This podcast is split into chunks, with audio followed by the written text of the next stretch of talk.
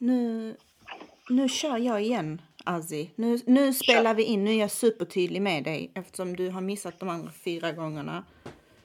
Så nu... Jag är med. Nu, nu, är du med nu? Jag är med. Ja, men vad bra. Och det är så jäkla svårt för jag, behöver, jag känner mig liksom stressad för Niro ska hem snart. Och då kommer det inte vara någon tystnad här hemma. Nej. Jag känner att vi behöver spela in det här avsnittet innan han kommer.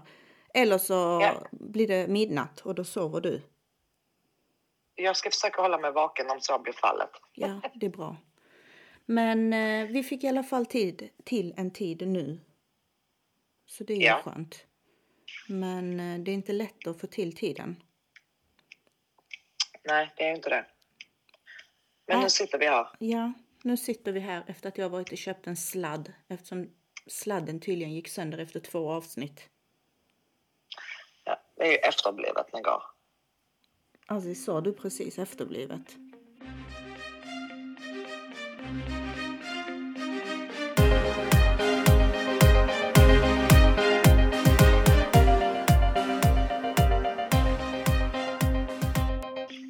Ehm, vi ska lägga till att det där var en sketch.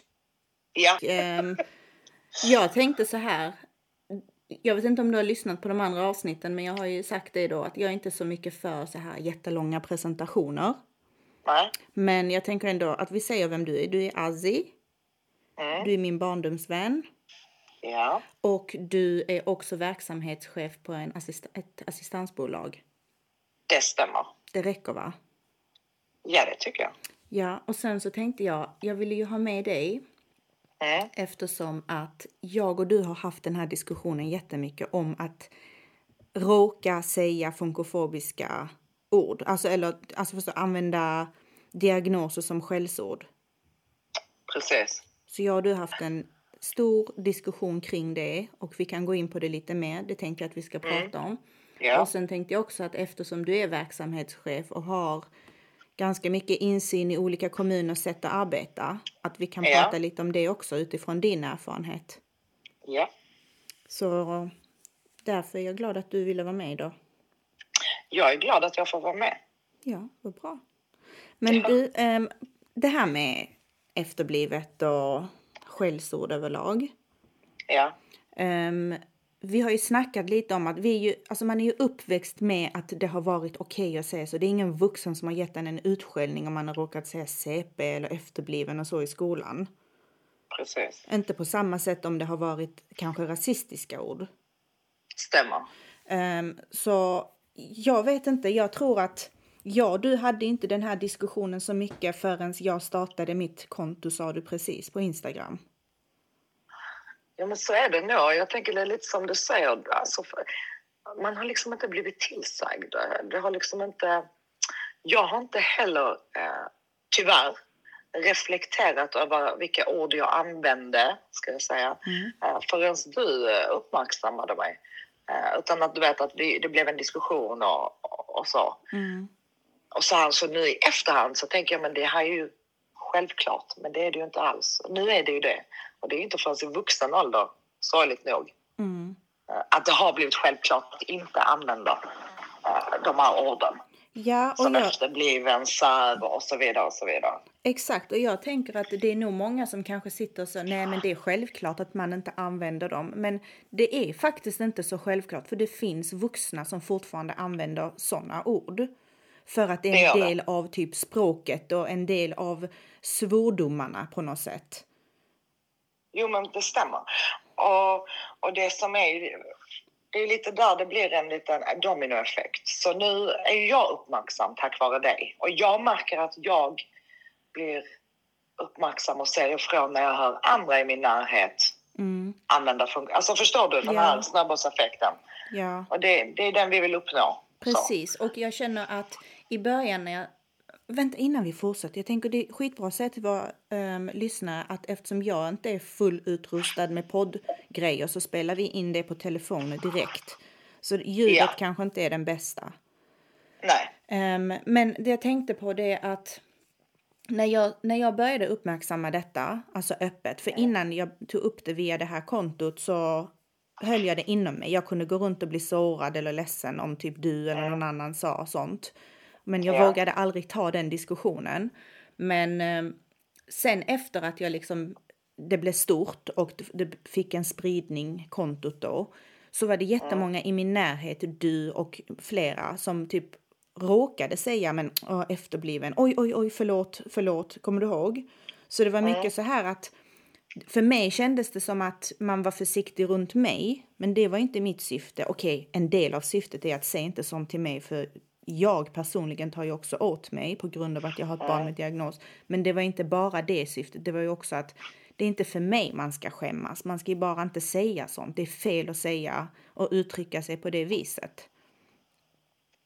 Jo, men precis. Men om jag bara pratar lite för mig själv nu här.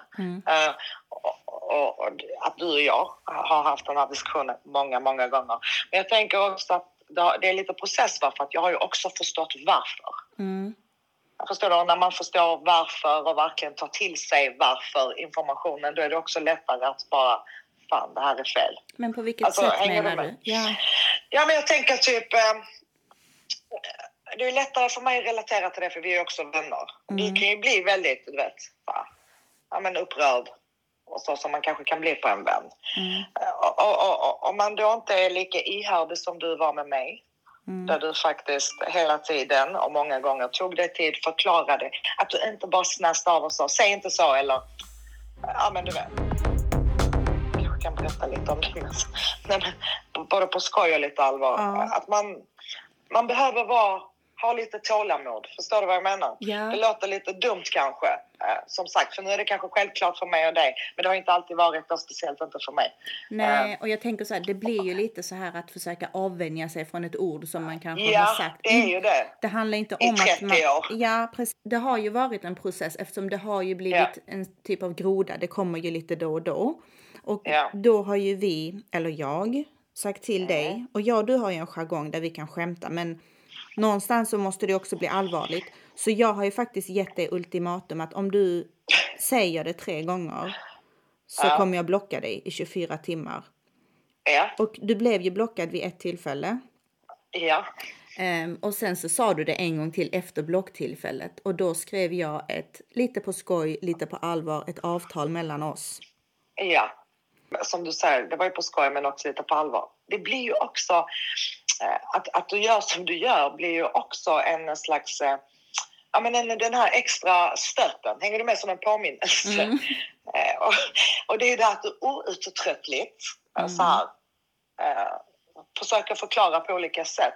Eh, men absolut, det är en process och det är väl lite tyvärr, eh, som du sa i början av podden, låter så jädrans fel att säga så här nu, men förstår du när man man nästan lite växte upp med vissa uttryck och det var liksom ingen som sa till en, hallå, så säger vi inte liksom. Exakt. Ehm, så jag känner att det min mission är nådd om det är så att jag har fått dig uppmärksam på det och du är uppmärksam i dina sällskap på det.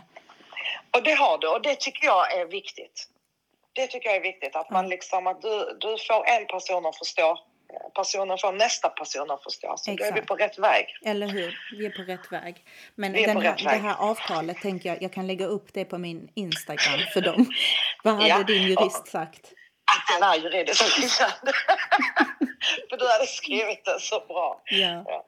Så det, det är ju liksom ett bindande avtal där du inte får, eller jag för den delen, får uttrycka mig funkofobiskt för då finns det straffskalor. Precis. Men jag lägger upp den på min eh, privata Instagram så kan de som vill läsa.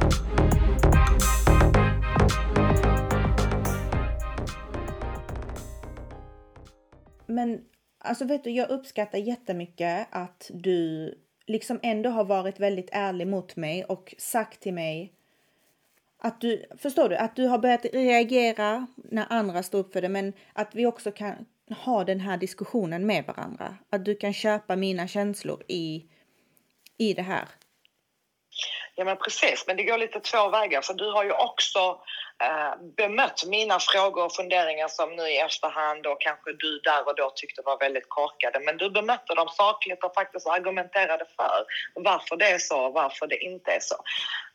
Sen minns jag att vi hade en diskussion och när jag la upp så här inlägg på Sa du precis så kunde du skriva till mig när du inte förstod vad som är funkofobiskt. Ja, Så kunde jag förklara för dig, men okej, om du ser det från det här perspektivet så blir det ju lite funkofobiskt. Men sen hade vi också en diskussion där jag sa att jag inte delar allt som jag får in, för jag tycker att man måste göra skillnad på vad som faktiskt är funkofobi och vad som är fakta, men kan vara sårande för en förälder. Precis. Och ett sånt exempel var till exempel att någon skrev att de hade varit för att få barnets, alltså um, utredningsteamet skulle återkoppla hela utredningen och säga vad barnet har för diagnos. Och då hade den här föräldern då blivit väldigt kränkt och ledsen över att psykologen sagt att ert barn har en utvecklingsstörning. Ja, det begreppet används kanske inte längre, men det är inte funkofobiskt Nej, det är liksom fortfarande så här. Det kanske inte är kul att få en diagnos på sitt barn. Och jag tyckte inte heller det var så jäkla kul när de sa Niro har svår intellektuell funktionsnedsättning, vilket då är svår utvecklingsstörning. Men det är, inte, det är fortfarande inte funkofobiskt. Så att man måste kunna skilja på dem. Det är också en viktig debatt att kunna ta och våga säga till folk att tufft, men alltså förstår du? Det, det är bara en känsla. Absolut. Nej, men jag håller med. Och jag, vi har ju haft många sådana diskussioner och jag vet att på din Instagram där du delar mycket har jag ifrågasatt och du har bemött och vi har ju haft diskussioner där. Ehm, och jag tror att det är den vägen eh, det är, att, det är så man får göra helt enkelt. Ja, precis. Men eh, du, du jobbar ju också som verksamhetschef Mm. på ett assistansbolag. Utifrån din erfarenhet då, ehm, känner du att det är olika i vilken kommun man bor? När det kommer till beviljade insatser? Ehm, Utifrån din absolut. erfarenhet. Absolut. Ja, men så är det. På vilket sätt då? Alltså, kommuner har oftast eh, lite olika riktlinjer. Eh, om man jämför med till exempel Försäkringskassan Mm. som har mer, ska man säga, enhetligt, enhetliga styrdokument eller vad så, och det gäller i hela landet. Okej. Eh, och sen så kommuner, de, de är, det är lite på olika platser i landet, de är olika storlekar, de är oftast politiskt styrda organisationer eh, och de har oftast en stor befogenhet att kunna styra över sina, vad ska man säga, kommuninvånare Mm. och så vidare. Men det, också om, handlar det också om kommunens budget? Alltså har vissa kommuner bättre budget än andra?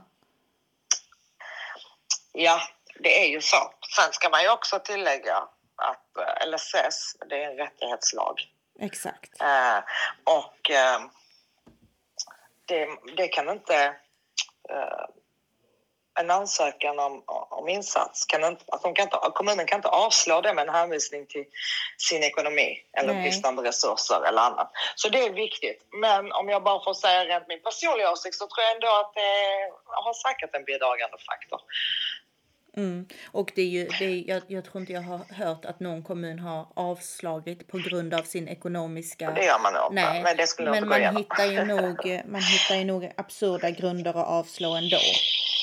Sen tänker jag när jag menar ekonomi så är det inte bara att eh, personlig assistans är en kostnad. Jag tänker resurser är också i form av personalbrist. Du har själv jobbat på socialtjänsten. Mm. Vi vet att eh, så, här, handläggare, det är brist på det. Det är Mm. personalbrist. Det är Mm. stor eh, rotation på personal. Folk slutar och det börjar nya. Mm. Men jag har ju alltid sagt, eller jag har, jag har förstått det att ehm, det handlar om vem du är som person, vem din handläggare är och var du bor. Det är de tre punkterna enligt mig som avgör vad du får och inte får för insatser. För jag tror att vem du är som person, din bakgrund exempelvis, ehm, vem handläggaren är, vad den har för fördomar. Nu pratar inte jag om alla socionomer, men jag tänker att det är väldigt bristande i utbildningen om ehm, diagnoser till exempel. Jag har ju själv läst inriktning äldre och funktionshindrade och jag vet ju att utbildningen stämmer inte överens med verkligheten eftersom jag nu får erfara verkligheten också. sen, och där håller jag med dig, men jag tror att det har man ju också kollat över. Nu kan inte jag den studien i huvudet, men jag vet att det fanns en studie där man just LSS-handläggare. Mm. Att man saknade kompetens inom LSS och dess diagnoser och, och vad det är liksom.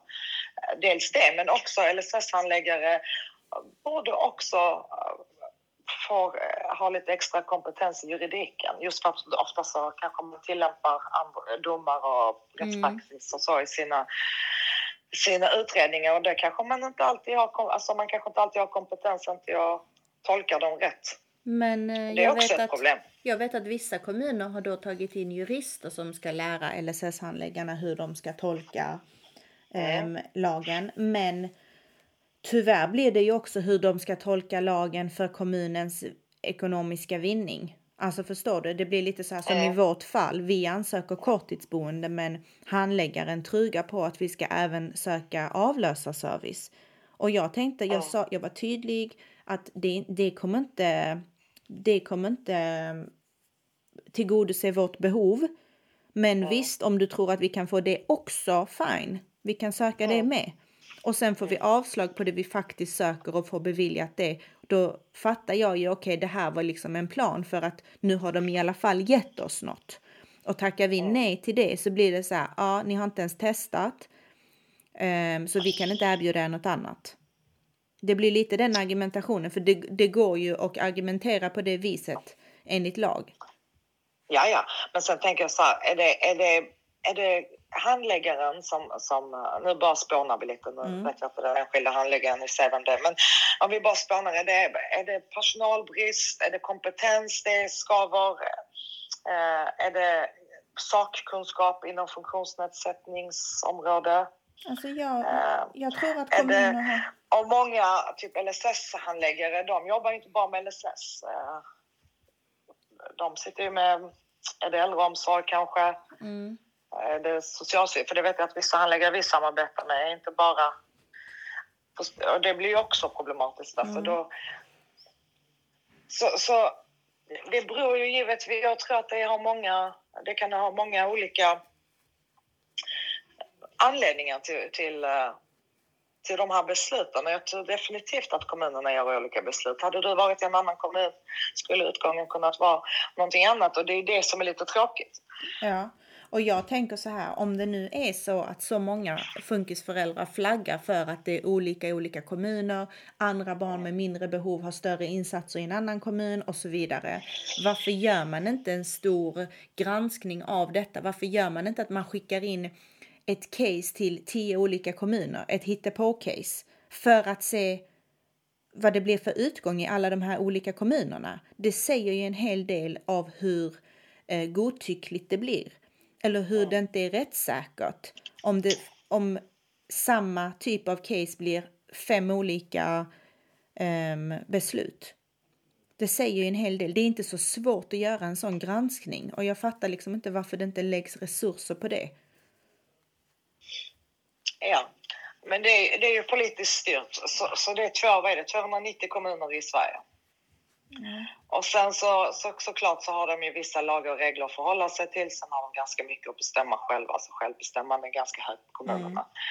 Mm. Uh, så, så 290 kommuner, visst, där är som sagt lagar ska de följa.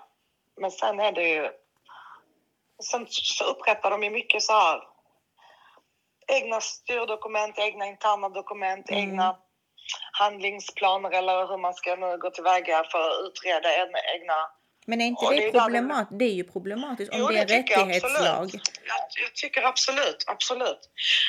Men, men också, jag, jag, jag personligen tror också kompetensen hos handläggarna är mm. A och O. Absolut. Speciellt inom LSS. Absolut. För nu känner jag till exempel bara i vårt egna fall nu.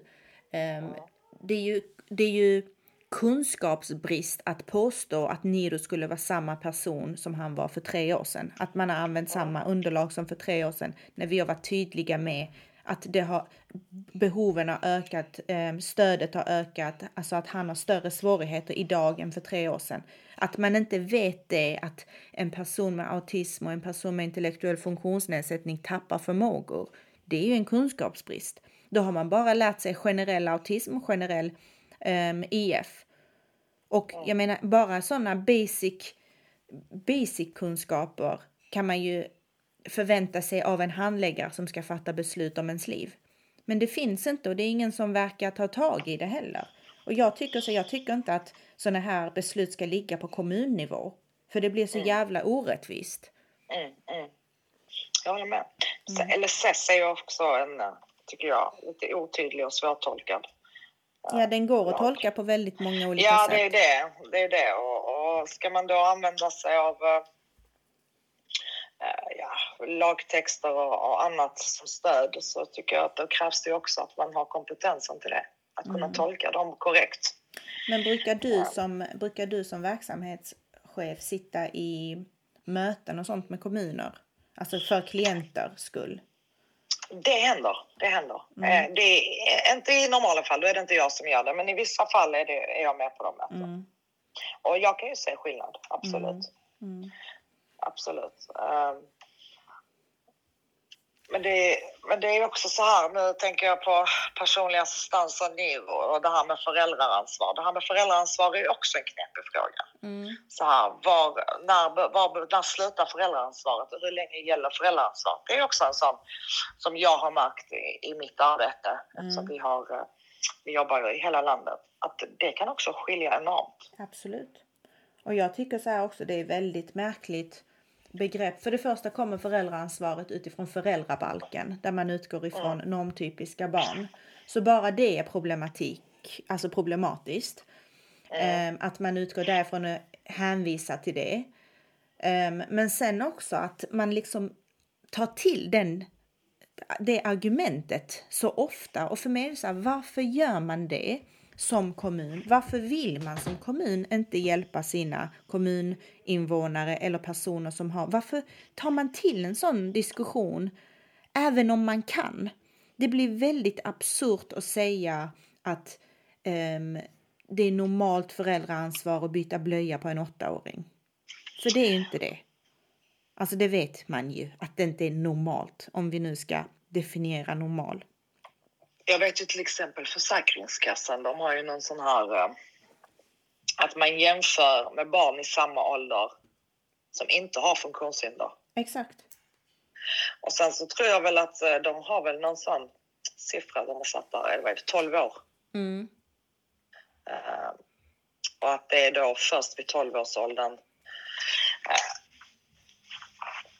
där det går att bortse från föräldraansvar Alltså, jag har hört att vid nio års ålder så sjunker det normala föräldraansvaret rejält. Nu Precis. citerar jag um, ja. våran jurist. Men, ja. Och jag känner bara så här, fast okej, okay, jag fattar att föräldraansvaret sjunker rejält, men uh, i vilka aspekter pratar vi om? Sjunker det rejält i att barnet kan vara hemma själv eller sjunker det i att du behöver inte byta blöja längre? Alltså förstår du? Man, det det. man måste ju följa man... det med åldern. Det går ju inte att skylla på ett normalt föräldraansvar normalt, vad är normalt för hur många typ, ja, ja, situationstecken normala barn har blöja vid Ja men exakt. Alltså så vad är det man jämför med? Så jag tycker det är, det, det är en otydlig, jag tycker det är otydligt och jag tycker det är fritt tolkningsföreträde för många handläggare och och det är det som jag tycker är problemet, även om man har den möjligheten och använder sig av normalt föräldraansvar. Varför gör man det? Om man är empatisk, om man vill hjälpa, om det här är en välfärd. Förstår du? För att det är så lätt att säga ja. så fast jag har ju tolkat lagen eller handläggaren har ju tolkat lagen. Nu är du ledsen för att tolkningen av lagen, för det är det jag har hört nu när jag kontaktat chefer. Ja, ja vi är ledsna att du känner dig besviken på tolkningen av lagen. Nej, det är lagen som är problemet. Det är lagen som är, och varför ser inte du att lagen är ett problem? När du ser mina behov och vad lagen inte ger mig. Då borde man ju säga så okej okay, vet du vad? Jag köper att du är fett irriterad och lagen är knas. Och varför är det ingen som bara reser sig upp och bara kan vi kolla över det här? Alltså det här med LSS, det är som att det kommer komma. Jag vet att någon gång i framtid kommer det komma så många höjda röster att man kommer att se över detta med normalt föräldraansvar och tolkningen och det kommer bli lite eh, mer inramat så att det ska bli tydligare att tolka. Men fram tills dess så är det så jävla många som lider.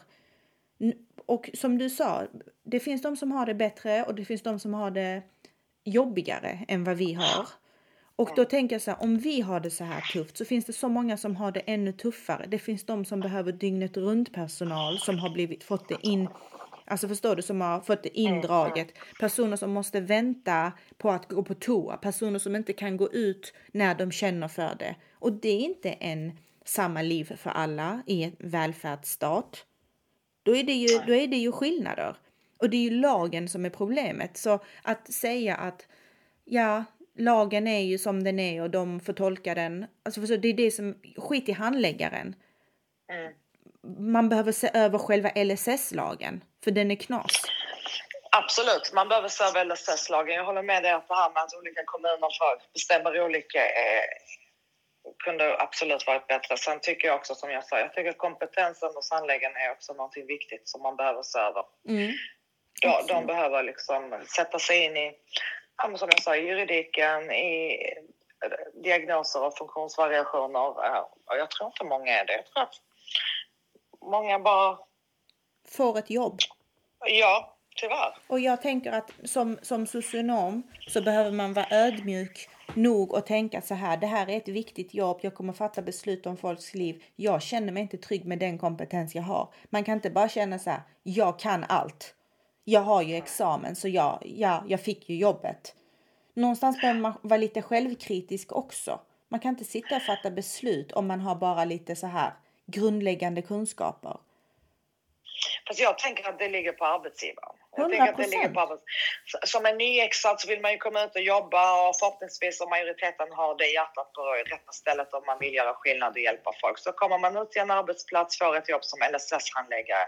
Ja, vad vet jag om detta? Ja, men inte mycket. Ja, men eh, så här, och så går man upp på någon uppladdningsvecka eller två. Mm. Uh, och sen så har man kanske en första sekreterare, jag vet inte riktigt hur det funkar där, men om man har en första socialsekreterare som kollar igenom ens beslut och en chef. Och är det inte på den nivån så spelar det inte så mycket roll på handläggarnivå. Alltså, Nej, och sen tänker jag också, jag, jag tror att också det finns kulturer.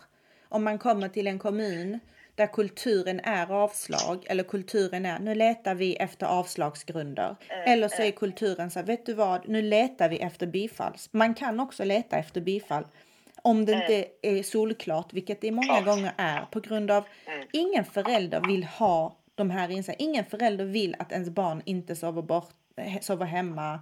Speciellt om den är icke-verbal. Ingen vill ha dygnet runt assistans eller assistans överhuvudtaget. Man, man skulle önska att livet var lättare än så. Så det är ingen som vill de här. Så när en förälder kommer och ansöker så är det inte någon som bara känner för att den vill ha lite soft helg. Så egentligen, det är kulturen också i kommunerna där man kan också vara så här, nu, vi litar på våran klient. Vi litar på att den okej, okay, det behöver komma vissa intyg som bekräftar att det här stämmer. Självklart, det köper jag. Men när det mm. finns så mycket som styrker en berättelse eller en ansökan. Att man då sitter och letar efter avslag, det är där det är problematiskt. Varför gör man det? Om inte för kommunens ekonomiska vinnings skull eller personlig, personlig agenda, vilket jag absolut hoppas att inte många jobbar efter. Men för mig blir det så här, jag får ju upp frågetecken. Vad, är, vad fan är anledningen till att ni letar efter avslagsgrunder? När det finns så här mycket som talar för att ni då har de här rättigheterna. Då är det antingen att du är rasist, eller att du inte gillar mig som person, eller att du är funkofob, eller att du försöker göra din chef nöjd. Och din chef försöker göra sin chef nöjd, vilket är då att spara pengar till kommunen. Så det är mina, ja. min tolkning. Uh, innan jag bemöter din tolkning så vill jag bara lägga till att jag tror att majoriteten av handläggare och socionomer runt om i landet vill hjälpa och vill göra rätt. Visst har de här handlingsutrymme men den är också ändå begränsad med lag och, och andra så så det vill jag ändå understryka, att jag tror majoriteten vill väl ha hjärtat på rätt ställe. Men när det kommer till just ditt ärende med Niro, mm. där delar jag din åsikt. Men jag tror också så här, jag tror att den handläggaren har med brist på annat ord lite satt sig på tvären och, och, och, och då istället för att se lösningar och möjligheter har letat efter halmstrån i form av att bekräfta och förstärka sitt avslag. För jag har ju mm. läst hennes avslag och jag tyckte att eh, hon kunde i så fall varit lite mer tydligare och eh, eh, tydligare i sitt avslag men också faktiskt gett en bättre motivering till avslag. Mm. Precis, för För den jag var ju tycker att väldigt Den var väldigt torftig. Den Ja. var väldigt torftig. Och, och så här, om jag bara ska uttrycka mig krasst. Cheferna kommer till stor, stor del eh, backa upp sina anställda handläggarna. Ja, till hundra Och, och, procent. chef, ja, och chefer håller oftast chefer om ryggen så att det går så här eh, i den här ordningen. Jag är inte förvånad. Jag vet att du sa att du var förvånad. Jag är inte det. Jag var beredd på att eh, de allihopa skulle sedan bolla över det till förvaltningsrätten. Det blir liksom, låt förvaltningsrätten avgöra. Vi har gjort vår bedömning. Vi står fast vid den. Har vi fel så kommer vi ändra den om förvaltningsrätten bedömer att vi har gjort fel. Så det är ganska skönt att bara slänga den ut på förvaltningsrätten. Mm. Så jag är inte alls förvånad att chefernas chef och chefernas chef stod kvar vid det Mm. beslutet. Mm. Jag är inte det. Eh, och det tänker jag inte ens ha med, eller så här, jag tänker inte att det är för att Niro inte ska ha personlig assistans, tvärtom. Nej, det är korttidsboende det gäller. Eh, korttidsboende, förlåt. Eh, så så det, det tycker jag låter jättemärkligt. Mm. Och speciellt eftersom jag har läst hennes avslag. Ja, Eh, jag tycker att den borde i så fall, eh, hon, borde, hon borde bara gett ett, en bättre motivering. ja motiveringen är också. väldigt... Det är därför det, det Tunn, är... den är väldigt tunn. Ja. Jag, jag tyckte inte heller att det var... Men... Sen eh, också har vi ju de andra aspekterna vi har pratat. Vi, du har jobbat där själv i det kommunhuset. Uh, Precis. du har ju också eh, så här, man tror oftast inte att det är så, men, men det finns en rasism absolut i Mm. det här landet.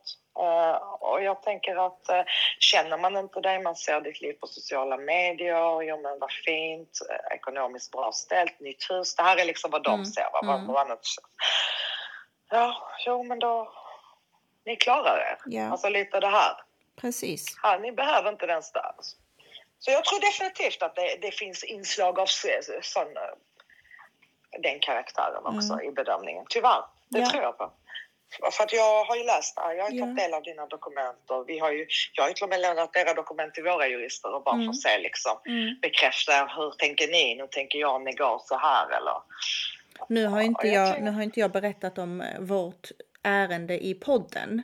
Men jag har ju Nej. skrivit om den på mina, mm, min privata Instagram. Så jag vet inte om det finns något intresse för lyssnare att jag ska gå igenom vårt ärende. Men om det finns det kan jag göra. Men det är precis som du säger. För när man läser och kollar och läser mellan raderna. För det är ju väldigt finformulerat. Och om man bara läser utredningen så är det så här, jaha, hon följer ju lagen. Men om jag då går Så in och kände jag. Ja, men om, man, om jag går in och förklarar då hur hon har gått tillväga, vad hon har uteslutit och vad hon har använt, då fattar man ju problematiken. Och många kanske inte går så... Alltså jag tänker så här, många kanske inte har den kunskapen. Jag har ju kunskapen, jag vet ju hur man kan formulera sig Ja. och hur, hur man kan komma undan om man säger så. Ja, men när jag läste beslutet så kände jag väl lite så, det vet jag att vi pratade, jag sa men eh, okej, det är ett avslag och hon har ju motiverat varför. Mm. Och sen så pratade vi vidare och, och, och då gick vi igenom intyg och vi gick igenom underlag som inte hon har tagit med och då blev det ju någonting helt annat. Exakt. Och det blev ju bara märkligt att hon inte har tagit del av underlagen. Alltså det här med rättssäkerhet är ju också en viktig del. Att man, ja men du vet, du ska ju också vara trygg och Niro ska vara trygg att man gör en bra utredning. Ja, Att alla aspekter ses över. Precis. Att intyg ses över, att, att liksom familj, eller så Niro, eller i detta fall du och Ebby då som är hans också får komma till tals. Eh, mm. ja, men det är många aspekter som ska ses, alltså, ses över Ja. och, och tas in i utredningen innan man tar ett beslut. ja. Så jag tycker hennes utrednings, eh, ska man säga metod eller ja, den är ju oerhört bristfällig. ja. Alltså det är stora brister i den. Ja, och vi får väl hoppas då att ehm, förvaltningsrätten ser detta. Men ehm, ja, alltså det, det är ju den här maktlösheten. Jag har ju mått skitdåligt nu för det är ju just den här maktlösheten som suger. Att jag, jag hade känt så här, okej, du har gjort så här bristfällig utredning och det kan du göra, men det finns konsekvenser. Det finns konsekvenser när du i din tjänst utövar maktmissbruk. För det är det jag känner att man har gjort. Um, Och det är det som stör mig, att det inte finns någon typ av tjänstemannaansvar där någon behöver stå till svars. Kommuner vinner på att ge oss avslag. Vi förlorar så jävla mycket på det. De kan, som du säger, bara... Du kan överklaga, förvaltningsrätten får avgöra. Förvaltningsrätten tar ett år på sig, vilket kommunen tjänar ett år av att inte betala ut korttidsvistelse för Niro. Och låt säga att förvaltningsrätten är för att Niro ska ha det. Och då är de så här, okej okay, fine, ni kan få det. Eller så kan de överklaga det beslutet. Så kommuner förlorar ju ingenting. De sitter kvar på sina tjänster, de går på sina semestrar, de sparar sin budget, de går vidare och lever sitt liv medan vi ska fortsätta kämpa. Jag har lagt hela min jävla sommar på det här och jag har inte kommit någon vart. Och det är det som stör mig. Det är ingen som står till svars för detta sen. Och det, det tycker jag är sjukt att det inte finns någon tjänstemannaansvar. Nej. Hade det funnits, Men... då hade ju inte folk eller handläggare eller chefer vågat utöva sån här maktmissbruk. Då hade man vetat att det kommer finnas konsekvenser för mig som alltså anställd. Och det finns ju inte. Precis. Så ja, det, det är stora brister kan jag tycka. Och jag håller med dig. Jag håller med dig. Men också specifikt kopplat till ditt ärende så, så kan jag så håller jag med dig till fullo. Sen tror jag att ja, du har ju lite olika syn för jag tänker att du som verksamhetschef för eh, personlig assistans. Mm. Du träffar ju de som har fått beviljat. Men också många som inte får. Vi har ju många överklagningsärenden som ligger okay. hos förvaltningsrätten. Vi har då, jättemånga. Ah, Okej, okay. då hänger jag med. Jag trodde ja. att ni liksom, de kom till er när de har fått beviljat och sen så nej, nej, nej. visst står ni med assistans. Okej, okay, okej, okay. då hänger jag med. Ja, vi har många. Men just därför också kan jag se, liksom, jag kan se skillnader på kommuner. Mm. Jag kan se att eh, ja, men nästan ett likartat ärende kan få två olika utgång. Liksom. Ja. Um, så. Det är knas. Um, och det är knas, det är knas, det är absolut knas. Um, men, men jag tänker uh, från ansökan, alltså er ansökan, uh, till beslut, där har det redan gått fel. Mm. Uh, förstår du? I Exakt. själva utredningsförfarandet. Exakt. och den utredning som ligger till grund för hennes avslag. Mm. Och jag tänker också, hur mycket fick ni egentligen möjlighet felaktiga. Jag tänker, det var inget med fysiskt möte. Då använder man pandemin som en mm, ursäkt. Mm. Um, vilket är en ursäkt. För mm. visst, pandemin, vi ska förhålla oss till uh, Men jag vet andra som hade möten på ja, kommunen. Ja, jag har varit på många sådana möten och så. Ja. Så det, och då har man skött det liksom i ett större konferensrum, vi har hållit avstånd och så vidare. Men så digitalt? Visst, eller digitalt, absolut. Men, men också just delaktigheten, så, så var det ju kommuniceringen och den, det var väl i princip det enda, eller hur? Ja. Om jag minns rätt. Ja. Och det, det, det var liksom så här, här, är vad ni får komma till tals och sen så är det ett avslag. Mm. Och egentligen kunde, vi kände ju redan att det skulle bli ett avslag innan kommuniceringen. Ja, det gjorde vi ju för att... Eller hur? Ja. Och du vet, det är också en sån grej som stör mig för att hon begärde inte ens in nya intyg. Hon bara tog de gamla. Jag ringde, men, ja. eh, fys, eller, jag ringde på telefon och um, ansökte. Hon tog emot min ansökan på telefon. Så sa jag till henne att jag kommer inkomma med intygen. Jag vill bara göra en ansökan nu. Ni har papper hos er. Så du, du, ni finns arkiverad hos er på grund av en gammal ansökan. Men jag kommer skicka in nya intyg. Men när jag hade skickat in mina nya intyg, då hade hon ju redan skrivit en utredning på de gamla papperna. Sen tog hon in de nya och bara ja, ändrade lite här och där tog saker ur de nya som bekräftade gamla, uteslöt annat i det nya som bekräftade ett större behov. Så, och sen när jag tar detta, när jag berättar om detta så säger många att jo, men inom LSS så har du som kund skyldighet att själv inkomma med papper som styrker ditt behov. Handläggaren har inte en skyldighet att kräva in. Mm. Så man kan ringa och säga så här, hej, jag vill ha personlig assistans. Hon bara, okej, okay, jag gärna, alltså förstår du, hon har ingen skyldighet att kräva intyg. Men jag som kund har skyldighet att inkomma. Och när jag har gjort min del, då bortser man ifrån det. Och det är så här, vad fan händer nu? Hur kan du ha skrivit en utredning baserat på ett telefonsamtal och gamla intyg? Men jag tänker också att hon, när du ringer henne och säger men du, nu har det kommit, tillkommit nya intyg och bland annat så har vi ett intyg, för jag vet att det var någon läkarintyg som skulle Mm, ta lite mm, tid. mm. Och det hade du meddelat. Ja. Då tänker jag att som handläggare så, så, så väntar man ju in på dem. För vad är det man annars baserar sitt beslut på? Jo, men hon hade väntat in dem. Men hon, hade, hon sket ju i dem. Hon väntade tills de kom in, men hon hade ju redan fattat sitt beslut innan de kom in.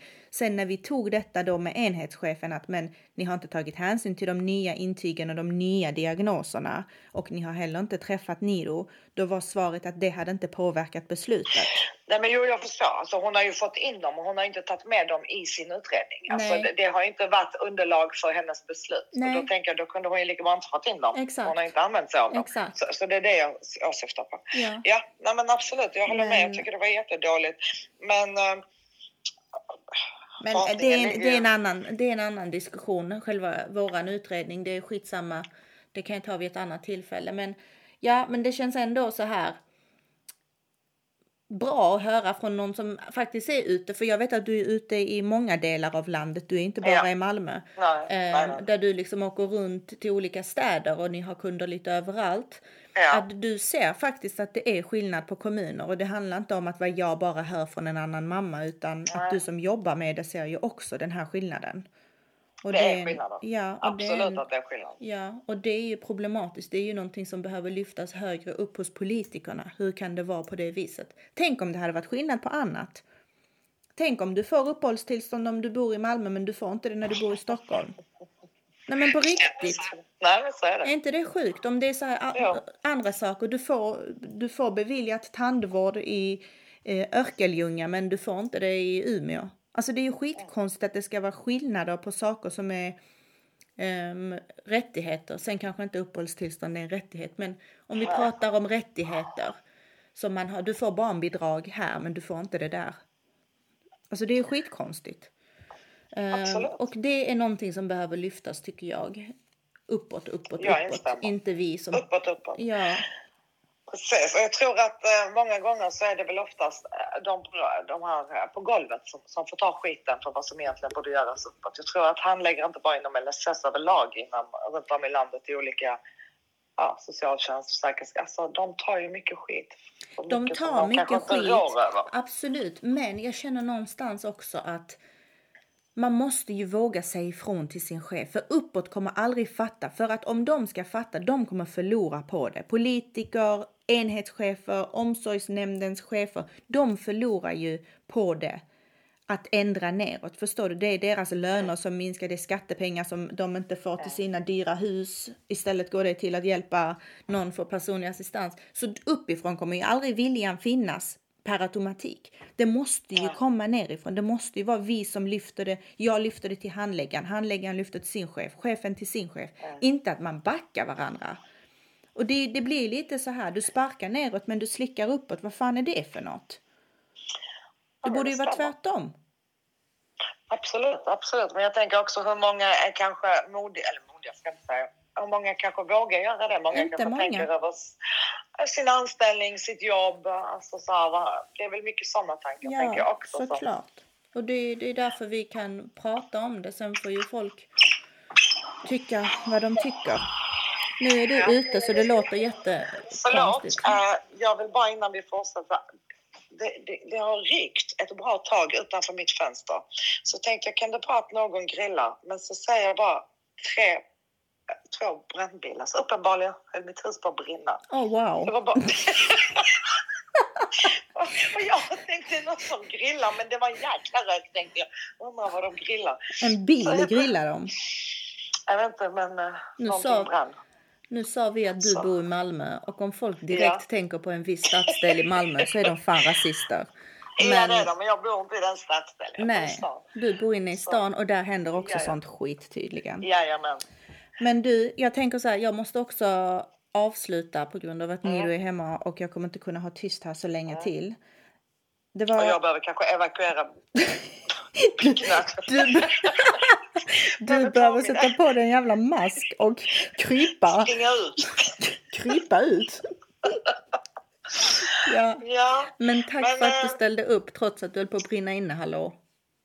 Ja, men du, tack för att jag fick vara med. Det är ju intressanta diskussioner. Man kan ju diskutera detta hur länge som helst känns det som. Ja, Men eh, för denna gången får det vara. ja. Tack snälla. Ja, tack själv. Jag ska lägga upp vårt avtal på... Ja, men gör det. Jag tycker du ska skriva liknande till dina vänner. Det ska jag göra. Eh, jag vill bara att folk ska lägga extra... eh, bara den där sista demens. Alltså, ja. Man får inte ens ha demens i förväg. Nej. får bli dement efter 75. Ja, då kan det Ja. möjligtvis. Då kan, ja, den är jättebra. Var Absolut, jag ska sprida vidare det avtalet. Det är jättebra. Ta hand om Ja. dig. Gå och sätt på dig en rökmask. Ja, jag Ja. evakuerar med mitt hem. Ha det bra. Hej då. Vi hörs. Hej. Hej, hej.